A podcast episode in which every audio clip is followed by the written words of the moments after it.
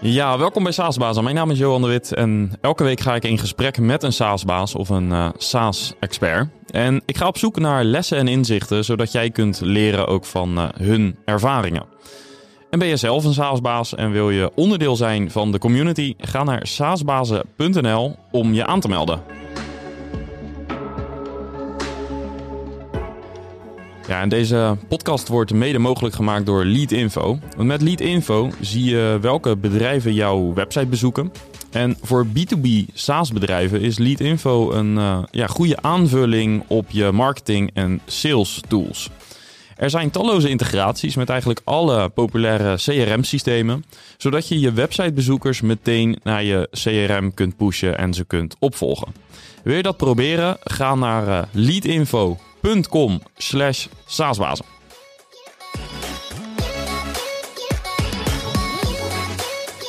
Ja, uh, welkom Roy um, van Rentman. Um, we gaan vandaag een podcast opnemen over uh, jouw business. En ja, je hebt nogal wat ervaring in de evenementenbranche, waar je nu een softwareoplossing voor hebt gemaakt. Niet nu, eigenlijk al heel wat jaartjes bezig bent. kan je ons een beetje meenemen naar het begin? Dus hoe is het idee ontstaan en ja, waar staan jullie nu? Ja, klopt. Nou, met Remmen zijn we sinds 2014 bezig. Um, en inderdaad, daarvoor was ik al geluidsman, DJ in, in de evenementenwereld. Dus ik was vroeger degene die met de zwarte kleren backstage in de vrachtwagen zat en met de spullen aan het sjouwen was. En soms op het podium stond. En soms op het podium stond, ja. ja, ja, ja. Dus, dus ik was echt als DJ begonnen toen ik 12 was. Uh, maar ik merkte wel al snel dat, dat de, de apparatuur vond ik interessanter dan de mensen. Dat is, uh, um, maar, ik, maar ik heb inderdaad ook heel veel drive-in showtjes gedaan, bruiloften gedraaid. Um, met bandjes mee geweest als geluidsman. En ook wat grotere evenementen gedaan, waar we dan echt uh, de complete techniek deden. Um, en dat was een business waarbij je heel veel met andere bedrijven samenwerkte. Dus op die... Op die die evenementen, dan, dan is er niet één partij vaak verantwoordelijk, maar dan komen heel veel partijen samen, ook heel veel freelancers. Um, ik werkte ook als freelancer ook weer voor andere clubs, dus ik kwam bij heel veel van dat soort uh, evenementenleveranciers over de vloer. En toen merkte ik eigenlijk al vrij snel dat zij allemaal dezelfde problemen hebben uh, in, in de backend van hun organisatie. Dus als je een evenement bekijkt, dan begint dat met het, uh, het, ja, het aannemen van een project, dus het, het, het plakken van een prijs op jouw, jouw dienst. En die dienst die is eigenlijk in essentie, als je dat helemaal plat slaat, is dat het leveren van spullen en het leveren van mensen op een, op een evenement. Dus, dus van, van, van, van, van de kabels waar de stroom doorheen gaat tot en met de lampen, de planten, de prullenbakken, uh, de, de chocoladefontein, de catering, nou noem het maar op. Ja, en dat is, dat is eigenlijk veel meer dan wij als argeloze eventbezoekers uh, naar kijken, zeg maar ons realiseren. Ja, als jij binnenkomt lopen, dan, dan, dan is alles voor elkaar en dan denk je wat, wat een mooie wereld. Maar als jij natuurlijk een aantal weken voordat het evenement in diezelfde wijk komt, dan is dat gewoon echt een lege grasvlakte. En alles wat daar gebruikt moet worden, dat moet daar vaak dus uh, ja, heen gebracht worden. Ja. En dat zijn dus altijd spullen die, daar, die, daar, uh, die, daar, die daarheen gebracht moeten worden. Er zijn mensen die daar activiteiten moeten uitvoeren, kaartjes scannen. Uh, licht en geluid bedienen, uh, de bar bevoorraden. Uh, en er zit natuurlijk een logistieke operatie omheen. Dus wanneer moeten die spullen daar zijn? en dan is het zo dat die, dat die leveranciers verschillende evenementen tegelijkertijd doen. Dus die, die materialen die, die kunnen maar op één plek tegelijkertijd zijn. Dus die moeten weten, oké, dit moet daar zijn, dat moet daar zijn. Um, en dat moet van tevoren gepland worden. Dus ik zeg, nou, het begint dus met het aannemen van die klus. Ik heb materiaal nodig, ik heb mensen nodig en daar moet, daar moet een prijsje op geplakt worden. De offerte. De offerte, ja. ja en, dat, en die wordt dus opgebouwd. Oké, nou, ik heb, ik heb deze spullen nodig en ik heb deze spullen nodig. Die hebben per stuk, hebben die een verhuurprijs, je hebt het een aantal dagen nodig. En daar komt eigenlijk een, een, een berekening uit. Nou, dan geven ze allemaal kortingen en dan hebben ze allemaal deeltjes. Want het is een vrij competitieve markt en dan moeten ze in een systeem kunnen, kunnen, kunnen instellen. Uh, en dan gaat dan vechten naar die, naar die leverancier toe en die zegt dan oké, dit, uh, ja, naar, naar, die, naar die eindgebruiker toe en die zegt oké, dit, dit wil ik doen, dit mogen jullie gaan leveren. Uh, en dan moeten ze dat gaan plannen, dus dan moeten zorgen dat er mensen zijn, moeten zorgen dat die vrachtwagen daar op tijd is. Zeg, nou, als, dat evenement zo laat begint, dan moeten we zo laat gaan opbouwen. misschien zijn we een aantal dagen mee bezig, een aantal verschillende vrachtwagens, heb ik een aantal specialismes voor nodig. Dus ik heb een een goede geluidsman nodig, want het is best een specifieke locatie. En je moet dus die mensen gaan plannen. Dus je moet zeggen, oké, uh, die woensdag zo laat op die hebben die, die mensen nodig. En dat, dat is ook al best een puzzeltje. En dan is er een stukje uitvoering in het magazijn. Dus je hebt, je hebt een, vrachtwagen, die moet naar die locatie toe en die moet dus uh, spullen mee gaan nemen. Uh, nou, dan moet je natuurlijk wel weten welke spullen daarheen moeten. En dat is natuurlijk gekoppeld met die offerte. Maar Um, ja, daar zitten allerlei dingetjes omheen die, die gedaan moeten worden. Ja, je, je zag dat op dat moment als uitdaging bij de, uh, al die bedrijven. Hoe losten zij daar, hoe gingen ze daarmee om? Hadden ze daar Excel-lijstjes voor of zo? Want het was nog een beetje pre-SaaS bijna. Ja, dat was 2014 en toen was SaaS nog niet echt een ding. Dus er waren een paar, voor de hele grote partijen waren er een aantal on-premise oplossingen. Die waren relatief duur en, en heel onflexibel. En voor die kleine bedrijven was het een beetje ja, dat was niet echt iets. Het was inderdaad, de een had Excel, de ander had wat, wat, wat, uh, wat, ja, wat pakketten die wat minder ervoor gemaakt waren. Er was eigenlijk één concurrent, dat was een een, eenmansbedrijfje, die zat al, al 30 jaar in die business en die had in zijn eentje iets gemaakt. Maar, maar ik dacht al snel, uh, vooral aan de personeelskant, daar was nog helemaal niks. Um, ja, dit moet online. Dat, dat, dat, uh, ja, als je die mensen plant, dan moet je communiceren, die moeten zelf een agenda kunnen inzien. Daar moet een online toeltje voor komen. En eigenlijk vooral omdat het er niet was en ik in die business zat, achtergrond heb in, in uh, computing science, ik heb informatica geleerd op de TU, ben ik eigenlijk toen gewoon een simpel toeltje gaan maken. Absoluut niet voor die grote bedrijven, want je hoort het best een complex probleem met heel veel verschillende dingen. Nou, dan moet je niet proberen in één keer willen op te lossen, maar als je, met, als je in je eentje bent of, of met, met z'n drieën, nou, dan zijn al die verschillende deelprobleempjes best wel relatief kleiner nog. Hè. Dus Ja. de, en, en de dag, nou, dan kan ik wel een toeltje maken, simpel PHP gebaseerd, eh, nou, bijna een scriptje om daar, eh, om daar wat orde in die chaos te brengen. Ja, en, en uh, dat ben je dus zelf gaan bouwen. En, en hoe heeft het bedrijf zich ontwikkeld in uh, die, die eerste jaren? Dus wat, wat zijn je eerste stappen geweest nadat je dat product hebt gebouwd? Ja, dat, dat begon met die, met die personeelsplanning voor dat soort bedrijven. Echt omdat ik dat ook zelf nodig had en met een aantal freelancers samenwerkte of een aantal eh, bedrijven samenwerkte die dat ook snel konden gebruiken. En dat ben ik toen gewoon gaan verkopen. Uh, nog niet, zo, niet zozeer met de ambitie om daar een heel bedrijf omheen te bouwen. Um, maar dat had eigenlijk al vrij snel best veel tractie. Dus, dus in een jaar tijd had ik dat zo aan 40 bedrijven uh, verkocht. En toen dacht ik, oké, laat ik uh, maar eens kijken wat daar nog meer in zit natuurlijk. Want je had, je had natuurlijk al een netwerk. Dus die eerste 40 klanten waren dan vooral uh, ja, dat, om je, bedrijven om je heen, neem ik aan. Ja, dat zou je denken. Maar het was eigenlijk de, de eerste twee, drie die kende ik goed. Daar freelance ik ook. Maar toen, via die bedrijven, toen, toen werd het al snel bij, bij andere bedrijven. Nou, bijvoorbeeld een van de eerste 40 bedrijven was Radio 538. Die ook met deelproblemen zat. Dus er waren al best snel een aantal ook wat grotere clubs die gewoon puur om de inhoud en niet zozeer om mij of om mijn verhaal, maar puur om, om, om de noodzaak uh, bij ons aanklopt, of bij mij aanklopt. Ik was helemaal alleen toen. Om, om, om die software te kopen. Wauw, dat is een geweldige validatie. Ja, ja maar ook natuurlijk, het, het, er was ook niks in die tijd. Nee. 2014 was wat dat betreft ook iets andere tijd. En, Ja. en de belofte was gewoon, oké, de- de backend van jouw organisatie, daar, daar, die, die gaan we stroomlijnen. Eh, zonder dat we, ja, we wisten natuurlijk dat het, wist dat het een hele grote klus was, maar, maar die belofte is natuurlijk ook heel aansprekelijk. Ja, wie wil dat nou niet eigenlijk? Dat, Ja. dat, dat kan haast niet mis. Ja, nou, moesten wij natuurlijk nog wel even bouwen. En, en dat is natuurlijk dan de, de downside van zo'n grote belofte. ja. Ehm, maar eigenlijk maar gewoon begonnen en, en zelf veel geprogrammeerd. Uiteindelijk uh, kende ik wat mensen van de universiteit. Eerst, eh, eh, eerst als freelance basis eh, met Simon gestart. Nou, die is later is die ook in het bedrijf gekomen. En zo eh, software verkocht, daarmee geld binnengehaald. eh, mensen aan kunnen nemen en eh, ehm, ja, eigenlijk dat product verder uitgekocht. Super, super bootstrap. Ja, en dat is uiteindelijk, eh, je zou kunnen zeggen, één product geworden met heel veel functionaliteit.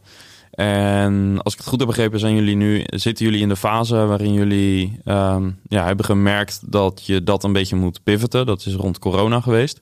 Eh, kun je ons een beetje meenemen in eh, zeg maar wat de aanleiding is geweest en, en hoe jullie nu naar een meer multi-product eh, propositie gaan? Ja. ja, wat je zegt klopt. Hè. Dus we waren begonnen echt met die oplossing van We Got Your Backend. de, de, de, administratie of de, de, de processen binnen zo'n evenementenleverancier.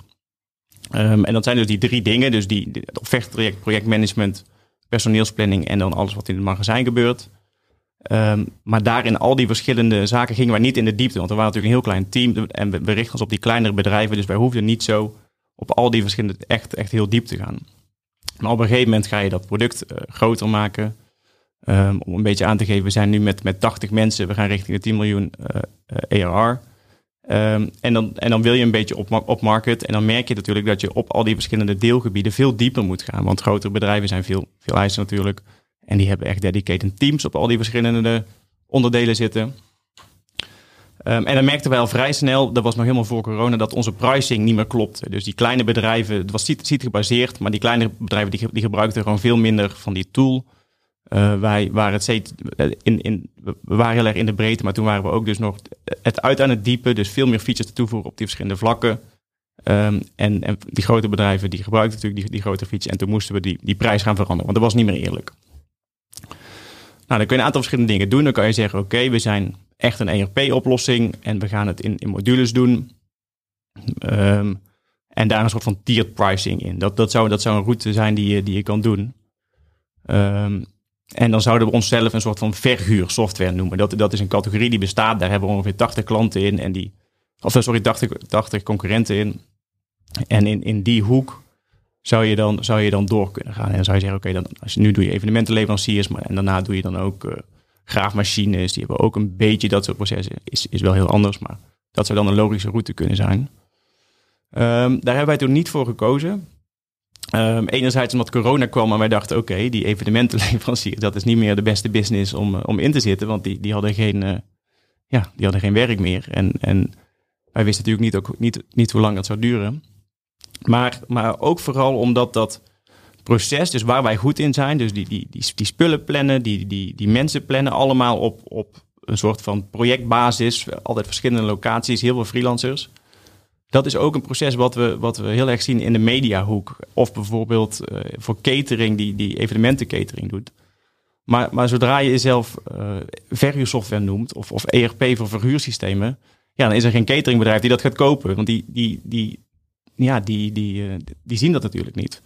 Dus je moet dat verhaal op een andere manier gaan vertellen. Je moet gaan vertellen, oké, wij doen dus, uh, als jij heel veel spullen hebt en, en die naar een locatie brengt en moet weten welke spullen en, en, dat misschien ook in een vrachtwagen, of, en datzelfde doe je misschien met mensen.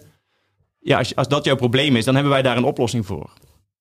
Um, dus toen zijn we terug naar de tekentafel gegaan. Nou, we hebben nu uh, we, hebben, we zitten al met die pricing die anders moet. Het is nu, het is nu uh, corona, dus die evenementenhoek, daar kunnen we even niet zoveel van verwachten. We denken wel dat we voor bijvoorbeeld bedrijven die in de media zitten, hè, dat streaming, dat, dat nam toen uh, een hele grote vlucht.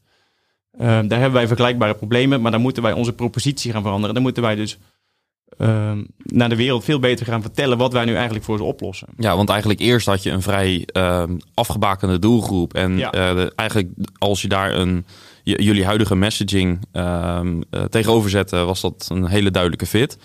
Nu werd het iets abstracter, dus meer use cases, meer doelgroepen. En ondertussen ja, moet je dat dus zien te combineren in een, ja, in een, een soort messaging die iedereen aanspreekt. Ja, dus wij zeiden tegen die oude doelgroep, zeiden we oké, okay, alle, alle problemen die je hebt aan de backend, dus in, jouw in jouw interne organisatie, die lossen we voor je op, zonder daarvoor heel specifiek te zijn. En we ja. zeiden van nou, we zijn de ERP-software voor jouw organisatie. In de breedte heb je problemen, kom er ons los op. Heel makkelijk. Uh, om te verkopen in ieder geval. Ja, en als je vijf problemen noemt, zijn er altijd drie herkenbaar, zeg maar. een beetje nou, dat principe. Precies, ja, ja. En, en, het is alle, maar inderdaad, als je dus veel meer die, die hoeken ingaat, zoals, zoals uh, met die deelproblemen, dus alleen maar materiaalplanning of alleen maar personeelsplanning, ja, dan moet je dat veel beter gaan benoemen. En dan moet je dus, um, ja, dus, dus we hebben ervoor gekozen, eigenlijk om dat lang verhaal kort te maken, om, om die producten helemaal apart in de markt te zetten. Dus niet meer, niet meer uh, een soort van ERP-oplossing in de markt zetten, maar zeggen, oké, we maken voor nu uh, personeelsplanning en materiaalplanning. We denken dat daar nog een derde product uit, uit de branche valt. Um, en, en samen is dat nog steeds verhuursoftware. Hè? Dus dat verhaal kun je nog steeds vertellen. Als je al onze producten combineert, dan, dan, dan voor een bepaalde groep, dan, dan zijn we in principe verhuursoftware. Maar met die personeelsplanning en met die materiaalplanning kunnen we ook aparte markt op. Dat is wel de, de keuze die we gemaakt hebben. Ja, en nu hebben veel SaaS-bedrijven natuurlijk in hun marketing maken ze het onderscheid tussen zeg maar brand marketing, solution marketing en product marketing. Uh, nu kan ik me voorstellen dat je dus op product marketing en op solution niveau dat je daar um, wat, wat specifieker gaat worden en wat meer naar die deelproblemen, deelgebieden gaat. Welke impact heeft dit op je brand marketing? Ja, dat, dat is best wel veel. Want als je één product maakt en, en uh, je, jezelf een soort van ERP-software noemt, dan is je brand heel erg gekoppeld aan je product. Ja. En als je dus meerdere producten gaat, dan moet je, dan moet je gaan herdefiniëren. Oké, als wij niet meer dat ene product zijn, uh, wat zijn we dan wel? Ja. En je wilt ook niet naar een oplossing gaan waar je zegt, nou, we zijn gewoon, uh, wij maken, we zijn een softwarebedrijf, we maken software. Want dat is ook niet wat we zijn. Ja, dus, dus wat is Randman? Wat is Randman? Ja, dat, dat is dan weer de vraag die je moet gaan, gaan herdefiniëren. Uh, en dat is ook, een, dat is ook een heel leuk, uh, heel, heel, leuk iets om te doen, want het is ook best een beetje veranderd na tien jaar. Ja. Uh, dus daar mag je weer opnieuw over na gaan denken. Ja. Ja. Weet je het antwoord al, of zitten jullie nog in die zoektocht? Um, Ik, ik heb niet één zin nu voor jou wat het antwoord is. We zitten zeker nog in die, in die zoektocht. Op heel veel dingen gaat het, gaat, zijn, we, zijn we best wel ver op, op marketinggebied. Uh, kunnen we nog heel veel stappen maken. Um, nee, dus ik, ik, heb niet, ik heb niet de één zin catchy what is Randman nu, helaas. Maar als je hem weet aan het einde van het gesprek, dan, dan hoor ik het graag. Dan, dan ga ik hem delen. Dan schrijf ik hem op. En dan... Misschien een oproepje aan uh, de luisteraar Ja, of ze met ja, suggesties graag. willen komen. Ja, goeie. En, en welke impact heeft dit op het team? Zijn jullie anders ingericht bijvoorbeeld? Heb Ja. je moeten schuiven? Ja, ja dat, dat, zo, zoiets, dat is een hele grote, hele grote beslissing geweest. En per team heeft natuurlijk een iets andere im- impact. Ehm, maar we zijn begonnen met, als we de verschillende producten maken, dan willen we daar ook intern verschillende.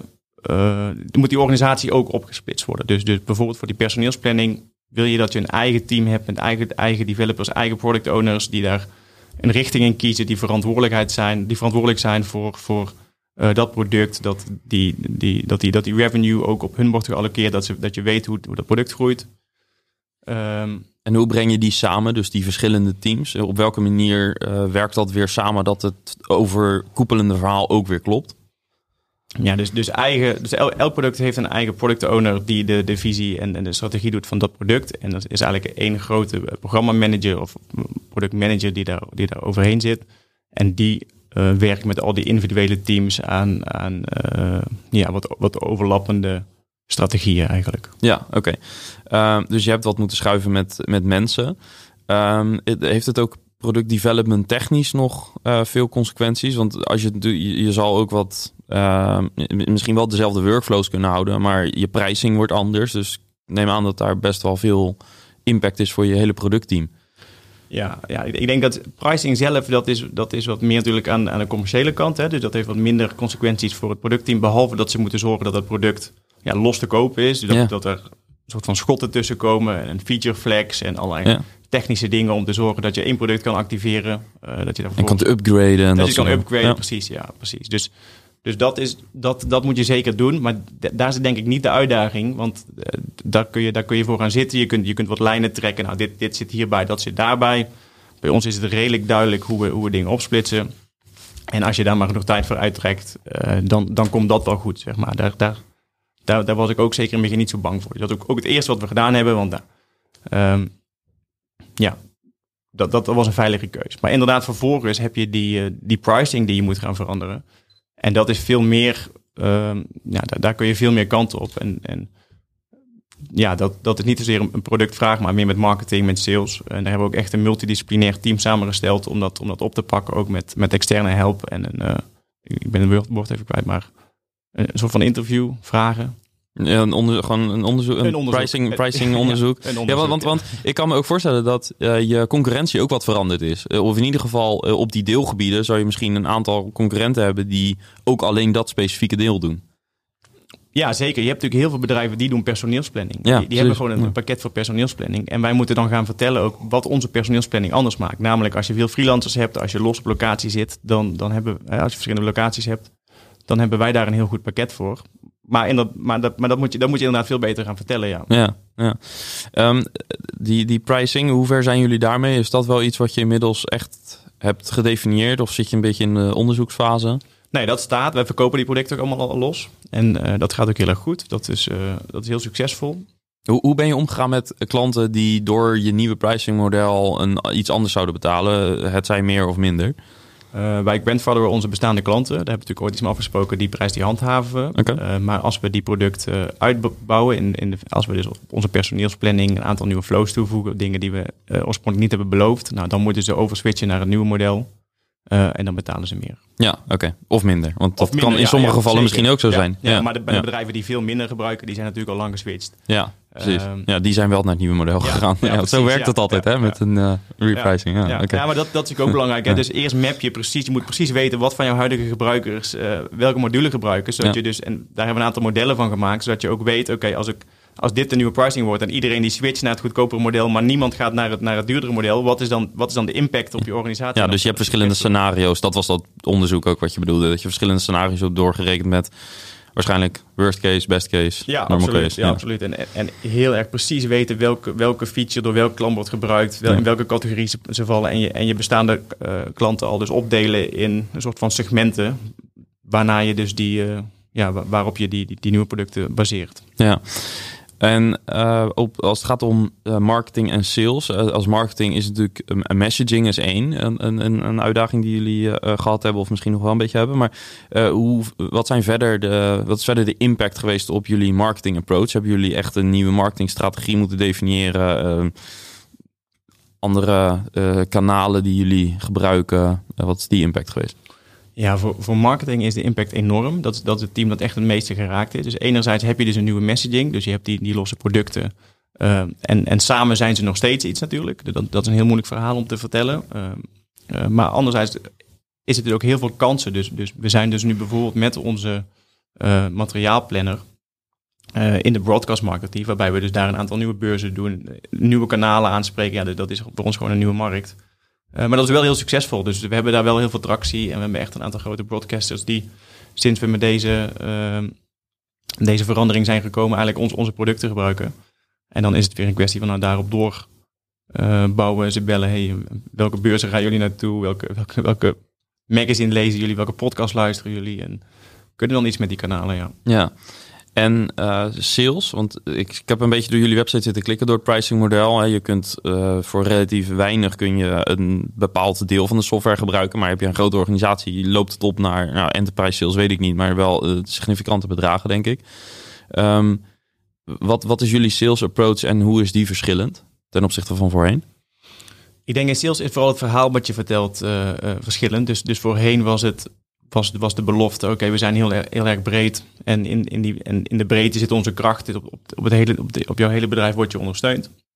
En nu ga je dus de, diepte in en moet je dus veel meer overtuigd zijn van die individuele producten. En zeg je, oké, dus, dus uh, een klant komt alleen maar kijken bijvoorbeeld naar de personeelsplanning. En dan mag je dus die personeelsplanning uh, gaan verkopen. Waardoor je er daar eigenlijk gewoon wat, ook wat meer productkennis voor nodig hebt. Omdat je dus ja, wat minder op, op die breedte kunt gaan zitten. Uh, ja, en je hebt natuurlijk een, een, nieuw, een nieuw segment klant wat je moet leren kennen, waar je van moet weten, oké, dit zijn, de, dit zijn de problemen die zij belangrijker vinden dan andere problemen. Hier moet je een beetje op in, inspelen. Ja. Um, maar dat is, dat, dat, ja, dat is een kwestie van doen en dat gaat uh, wel aardig. Ja, en, en hoe komt die, die, die nieuwe kennis in je organisatie tot stand? Is dat ook, uh, plat gezegd, gewoon doen? Of uh, ja, hoe zorg je dat jullie marketing en sales teams, dat die ook al die kennis uh, hebben die ze nodig hebben om een serieuze gesprekspartner te zijn voor die nieuwe klantsegmenten? Nou, in principe is dat niet anders als wanneer in die oude groep zit. Want de klanten die hebben altijd antwoord. Dus je moet zorgen dat, dat je gewoon heel veel praat met, met die klanten. Kijk, wij doen dit niet omdat we zelf dachten dat het een goed idee is. We, we praten met klanten en, en dan, dan, kom je er, dan kom je erachter. Oké, dit, dit is een uitdaging, dit is een uitdaging. Wij zijn een iets ander bedrijf en wij zitten wat meer in dit hoekje. En als ze jou dat vertellen, ja, dan kan je dat vervolgens ook weer tegen de volgende vertellen. Nou, je zit een beetje in dat hoekje. Waarschijnlijk zijn dit jouw problemen. Ja, ja, ja dat klopt. Dat zijn problemen. Nou, dan hebben wij dus deze en deze oplossingen. Ja. En, maar dat is echt, echt super dicht blijven bij die klanten. En ook gewoon, gewoon monitoren. Dit wordt, dit wordt veel gebruikt. Dit vinden klanten dus fijn. Uh, dit wordt minder gebruikt. Bel de bedrijven die, die het gebruiken ook even, of die het niet gebruiken. Uh, waarom gebruik je het niet? Waarom gebruik je het wel? Uh, ja, en, en dan heb je denk ik al, al snel die antwoorden. Ja. We hebben het in het voorgesprek heel even gehad over strategie versus executie. Wat is belangrijker? We kwamen samen tot de conclusie dat beide belangrijk is, maar dat executie altijd wint. Ja. Klopt dat? Ja, ja, okay. ja daar ben ik echt een, ja. flink van overtuigd. Ja. Uh, misschien leuk om te, daar nog over te hebben, maar uh, waar ik ook benieuwd naar ben, is jouw rol in dit hele proces. Dus van dat ene product naar meerdere producten. Welke rol heb jij als oprichter uh, aangenomen in dit proces? Ehm, en, en welke delen heb je ervan geoutsourced naar ja, uh, externe of, of interne mensen? Um, ik denk dat het uh, het allerbelangrijkste, allerbelangrijkste in mijn rol is de, de, de, de, de buy-in krijgen of, of, of mensen in de organisatie overtuigen dat dit, een goed idee is. Want je, je gaat best iets spannends doen, je gaat ook je hele pricing eh, anders doen, wat ook als iedereen inderdaad naar een veel goedkoper model gaat of een van die producten laat vallen, uh, een flinke impact heeft. En je moet, je moet echt geloven dat we dit doen om, om naar een grotere markt te gaan. Dat we onze bestaande klanten beter kunnen, kunnen uh, bedienen en dat we meer toekomstvastig zijn. En, en daar moet je iedereen in meekrijgen. Want, want er moet zoveel gebeuren als mensen er niet in geloven. Ja, dan, dan, dan, dan komt dit, dan komt dit uh, op de laatste prioriteitenlijst. Oh, dit moet ik ook nog doen, want uh, Roy zegt dat we dat. nou, hè, maar we, we moeten echt geloven, iedereen moet echt geloven dat dit, dat, dat, dat dit de, de toekomst is. Uh, dat dit veel voor het bedrijf gaat brengen en dat we daarvoor moeten gaan. Dus, dus dat is eigenlijk ja, hoe het begint. Eh, en, en dan komen er heel veel argumenten, ja, maar beter dit of beter dat, of onze concurrenten kiezen een hele andere weg. Ehm, ja, en, en, en dat verhaal moet je scherp hebben. En, en als dat eenmaal staat, nou, dan gaat de rest, uh, dan begint dat treintje te rijden. En dan, en dan, dan springt iedereen die vanuit een bepaald team verantwoordelijk is voor zaken wel daar wel op. En, en kunnen, we kunnen we het samen doen. Um, en, en dan zorg, en heel goed, heel goed zorgen dat, dat iedereen op alle individuele dingen um, uh, alle data scherp heeft, zodat we, zodat we weten um, dat wat we in kunnen grijpen als, het toch, geen, als, het, als het toch iets niet goed gaat. Hè. Dus, hm. dus oh, verandert onze, onze uh, conversieratio nu omdat die messaging anders is? Hebben we nu iets anders? Hebben we nu minder van dit soort klanten omdat we daar minder bij aanspreken? Mm -hmm. um, ja, dus zorg dat al die, al die risico's uh, inzichtelijk zijn en dat je de data hebt om daarop te acteren en, en andere keuzes te maken ja. als, je, als je ziet veranderen. Ja. En hoe zeker was je uh, van dit besluit toen je het ging meedelen met, uh, met je team voor het eerst?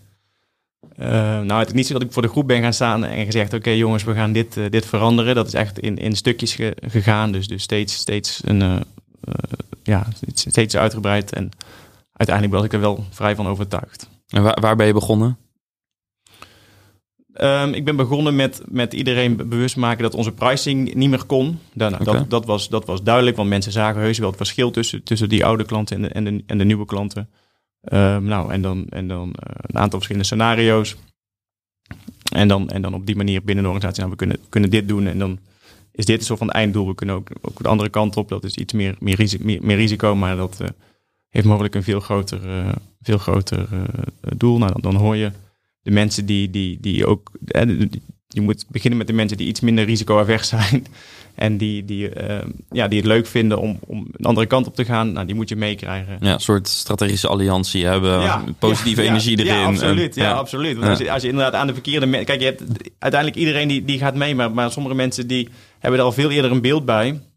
Ja, als, als je daarmee samenwerkt, dan, dan, dan, dan, dan staan die in hun kracht. En de mensen die um, op een andere manier overtuigd worden, of, of, pas wat later overtuigd worden, ja, die, die heb je op een ander moment nodig ook. Ja. Aan de andere kant wil je waarschijnlijk ook de kritische geluiden ook horen. Want zeker. je hebt ze wel nodig. Zeker, zeker. Ja. En, en die krijg je meestal ook wel in een SaaS-bedrijf, is ja. mijn ervaring. Ja, nee, we, we hebben een hele platte cultuur, dus als mensen iets niet, niet leuk vinden, dan, dan hoor ik dat al snel hoor. Ja. Uh, hoe kijk je, het is een brede vraag hoor, maar hoe kijk je hier nu op terug? Um, als, als we het even zien als afgeronde periode, dat je, dat je dit hele traject hebt, uh, hebt uh, doorlopen. Wat, ja, met welk gevoel kijk je terug? Nou, ik vind, het, ik vind het heel leuk om te zien dat het ons, dat het ons echt gelukt is om um, een aantal nieuwe doelgroepen aan, aan, te spreken. Doelgroepen die we met de oude propositie nooit hadden kunnen aanspreken, omdat zij gewoon nooit hadden geloofd dat wij software voor hun maakten. Uh, dat heeft ons ook heel veel gebracht. Um, dus ook, ook financieel was dat een hele goede keuze. Um, en, het, en het geeft ons structuur en, en, en handvaten om weer de volgende stap te maken. Ja. Dus ons bedrijf, ja, ik denk, dat ken je ook. Ik denk als SaaS-bedrijf heb je echt een aantal verschillende stadia. Uh, je hebt daar ook die, die boeken uh, die, die, die het dan hebben over de, de Valley of Death steeds tussendoor. Ja. Nou, ik, ik merk dat bij Crossing the Chasm, dat soort ja, boeken. Precies, ja, ja. Dit, ja, dit. En ik, nou, ik heb die, de eerste keer dat ik dat boek las, dacht ik, ja, dit is, dit is waar, dit is precies hoe, hoe het gaat. En ik merk dat, dat deze stap voor ons precies eigenlijk op het juiste moment komt. En als we dadelijk uh, ja, na 10 miljoen weer, weer willen groeien naar, naar de 100 miljoen, dat dit de juiste manier is om de organisatie weer opnieuw te herstructureren en, en uh, ook, met, ook, weer, ook weer focus te houden. Het klinkt, klinkt misschien een beetje gek, maar omdat je meerdere producten hebt. Maar ik denk dat het juist ons ook weer meer focus geeft om meer door te gaan. Ja. Mag ik het samenvatten als toch een bepaalde vorm van trots op je team? En dat je, dit, dat je jezelf opnieuw hebt kunnen uitvinden? Absoluut, ja, ja. absoluut. Heel ja. trots. Ja. Um, ook nog even over jouw persoonlijke rol. Um, je gaf in het voorgesprek ook aan dat je met uh, een uh, andere SaaS-baas uh, spart ook regelmatig over nou, het runnen van een SaaS-bedrijf. Um, ik weet niet of je een naam wil noemen, dat, dat, hoeft ook niet. Dat, is, laat ik aan jou. Maar um, ik ben vooral benieuwd, hoe ziet jullie, hoe ziet die rol er naar elkaar toe uit? Wat zijn jullie van elkaar? Is het sparringpartner? nou ja, vul maar in. Um, dat is zeker waar. En dat, dat komt eigenlijk. Ik ben alleen begonnen. Um, toen was er natuurlijk geen kantoor, was het gewoon ik en heel vaak werken vanuit een busje vrachtwagen evenement. Um, op een gegeven moment kwamen er mensen bij en moesten we een kantoor hebben. Um, nou, wat, wat, ik in eerste instantie deed was uh, gewoon op de universiteit de eerste, de beste deur opentrekken.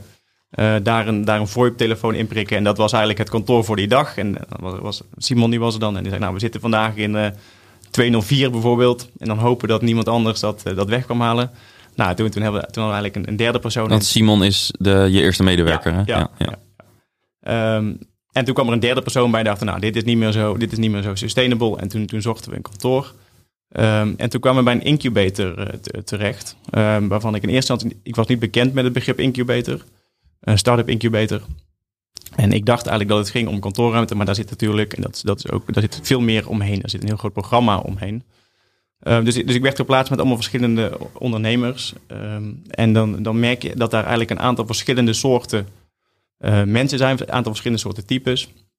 En er was één iemand waarmee ik eigenlijk al, al snel bond, omdat wij uh, zelf heel erg op die uitvoering zaten en iets minder uh, ja, geneigd waren om, om, om, tijd te besteden aan de, aan de algemene programma's in die incubator. Want we dachten, we, we, hebben gewoon nu klanten te closen. Er zijn zoveel bugs, ik moet nog, ik moet nog die dingen doen. Ik heb niet zoveel zin om nu een brainstorm sessie te doen over vijf jaar. Ik moet eerst zorgen dat, dat we morgen niet failliet gaan, zeg maar. En er was nee. eigenlijk één andere gast die zat er op dezelfde manier en die waren met z'n drieën. Um, nou, en, en, en dan in de borrels, dan, dan, dan connect je en dan is er eigenlijk wel een vriendschap ontstaan. En toen zijn we eigenlijk, uh, uh, ook in de volgende fase van ons bedrijf, hebben we samen uh, vaak nog een kantoor gehuurd. Nou, en dan is er, ja, dan, dan zit je aan de lunchtafel met elkaar, maar ook samen als je allebei nog doorwerkt tot, tot laat, dan, dan drink je een biertje en dan bespreek je eigenlijk heel natuurlijk de problemen die je hebt. Um, nou, zij zijn ook, ook heel erg succesvol. Um, en die vriendschap die is eigenlijk gebleven. En dat is niet een soort van vaste dag in een week of een vaste afspraak. Maar uh, ja, wij zien elkaar nog vaak. We samen wintersport, dat soort zaken. En dan, en dan hebben we het gewoon over de, ja, de, de, de problemen of de uitdagingen of de, de dingen die, uh, ja, waar je mee zit. Ja, en, en heb je daarnaast ook uh, bijvoorbeeld nog formele spa uh, sparringpartners? Want dat klinkt inderdaad als een vriendschap waar je heel dicht natuurlijk uh, bij elkaar bent. heb je ook nog iets formeels of heb je dat gewoon simpelweg niet nodig als je dit houdt? Nee, beter dan dit wordt het denk ik niet. Nee.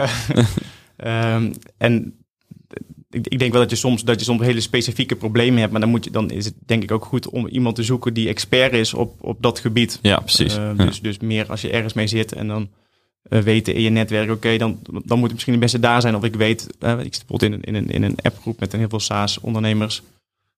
dan hoor je oké, okay, daar heeft ook iemand mee gedeeld. Dan bel ik die even Precies, op. ja, denk, dat, ja. dat is denk ik veel efficiënter. Ja, maar overal is het dus uh, de, de vriendschap waarin je dus en heel kritisch kan zijn, maar ook, ja, jullie zitten een beetje in dezelfde situatie ook, denk ik, qua omvang van het bedrijf ook min of meer.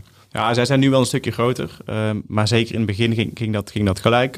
en, dan, en dan is het eigenlijk juist fijn om de, de dingen waar je normaal gesproken nooit iemand over zou bellen, oh, maar ik heb iets met mijn accountant bijvoorbeeld. Oh, dat had ik ook en ik heb nu deze accountant. Of de Hmm. dingen die, juist de dingen die heel terloops komen, die heel actionable zijn, die, die eigenlijk heel klein zijn. Uh, daar heb je eigenlijk vaak het meeste aan. Want, Ja. want dat scheelt jou een paar uurtjes googelen of, of je hebt meteen iets. Of, uh, de, en de, en de, de hele grote problemen, ja, die zijn toch ook vaak te complex om, om in, in een half uurtje uh, op te lossen. Maar, Ja. inderdaad juist, ja, waar, waar haal je de lunch? Ik noem maar iets. Of oh, ik heb dit. Dat, dat zijn juist de dingen die, uh, ja, die fijn zijn. Ja. Is er uh, tot slot nog een uh, andere tip die je wil, wil meegeven aan de luisteraar? dat kan van alles zijn. Je noemde net al even een boek. misschien andere tips die de luisteraar wil delen? Of ben je niet zo'n man van de tips? Nou, ik, ik, geloof, ik, ik geloof niet dat, dat... Kijk, wij hebben natuurlijk een aantal dingen meegemaakt. Andere bedrijven hebben dat ook. Maar uiteindelijk, wat je zei, het zit hem in die executie. Je, je, je moet het gewoon, je moet het zelf doen. Um, de dingen die bij ons niet hebben gewerkt, kunnen bij iemand anders wel, wel werken. Dus, dus ik zou gewoon zeggen, oké, okay, kijk gewoon wat je problemen zijn. Ga ze één voor één oplossen. En, en maak het niet te moeilijk. Ja. Gewoon, vooral executie. Gewoon doen. Ga het gewoon doen, ja. ja precies. Ja. Ja. Mooi afsluiten, thanks. En bedankt uh, dat je je verhaal uh, wilde delen en alle ervaringen. Thanks. Yes, en dat was dus uh, het gesprek van vandaag. Wil je meer weten over dit gesprek? Ga eventjes, uh, kijk even in de show notes voor de resources uh, die voorbij zijn gekomen. En ga naar saasbazen.nl slash podcast om alle andere afleveringen ook te bekijken. Bedankt voor het luisteren. Ciao!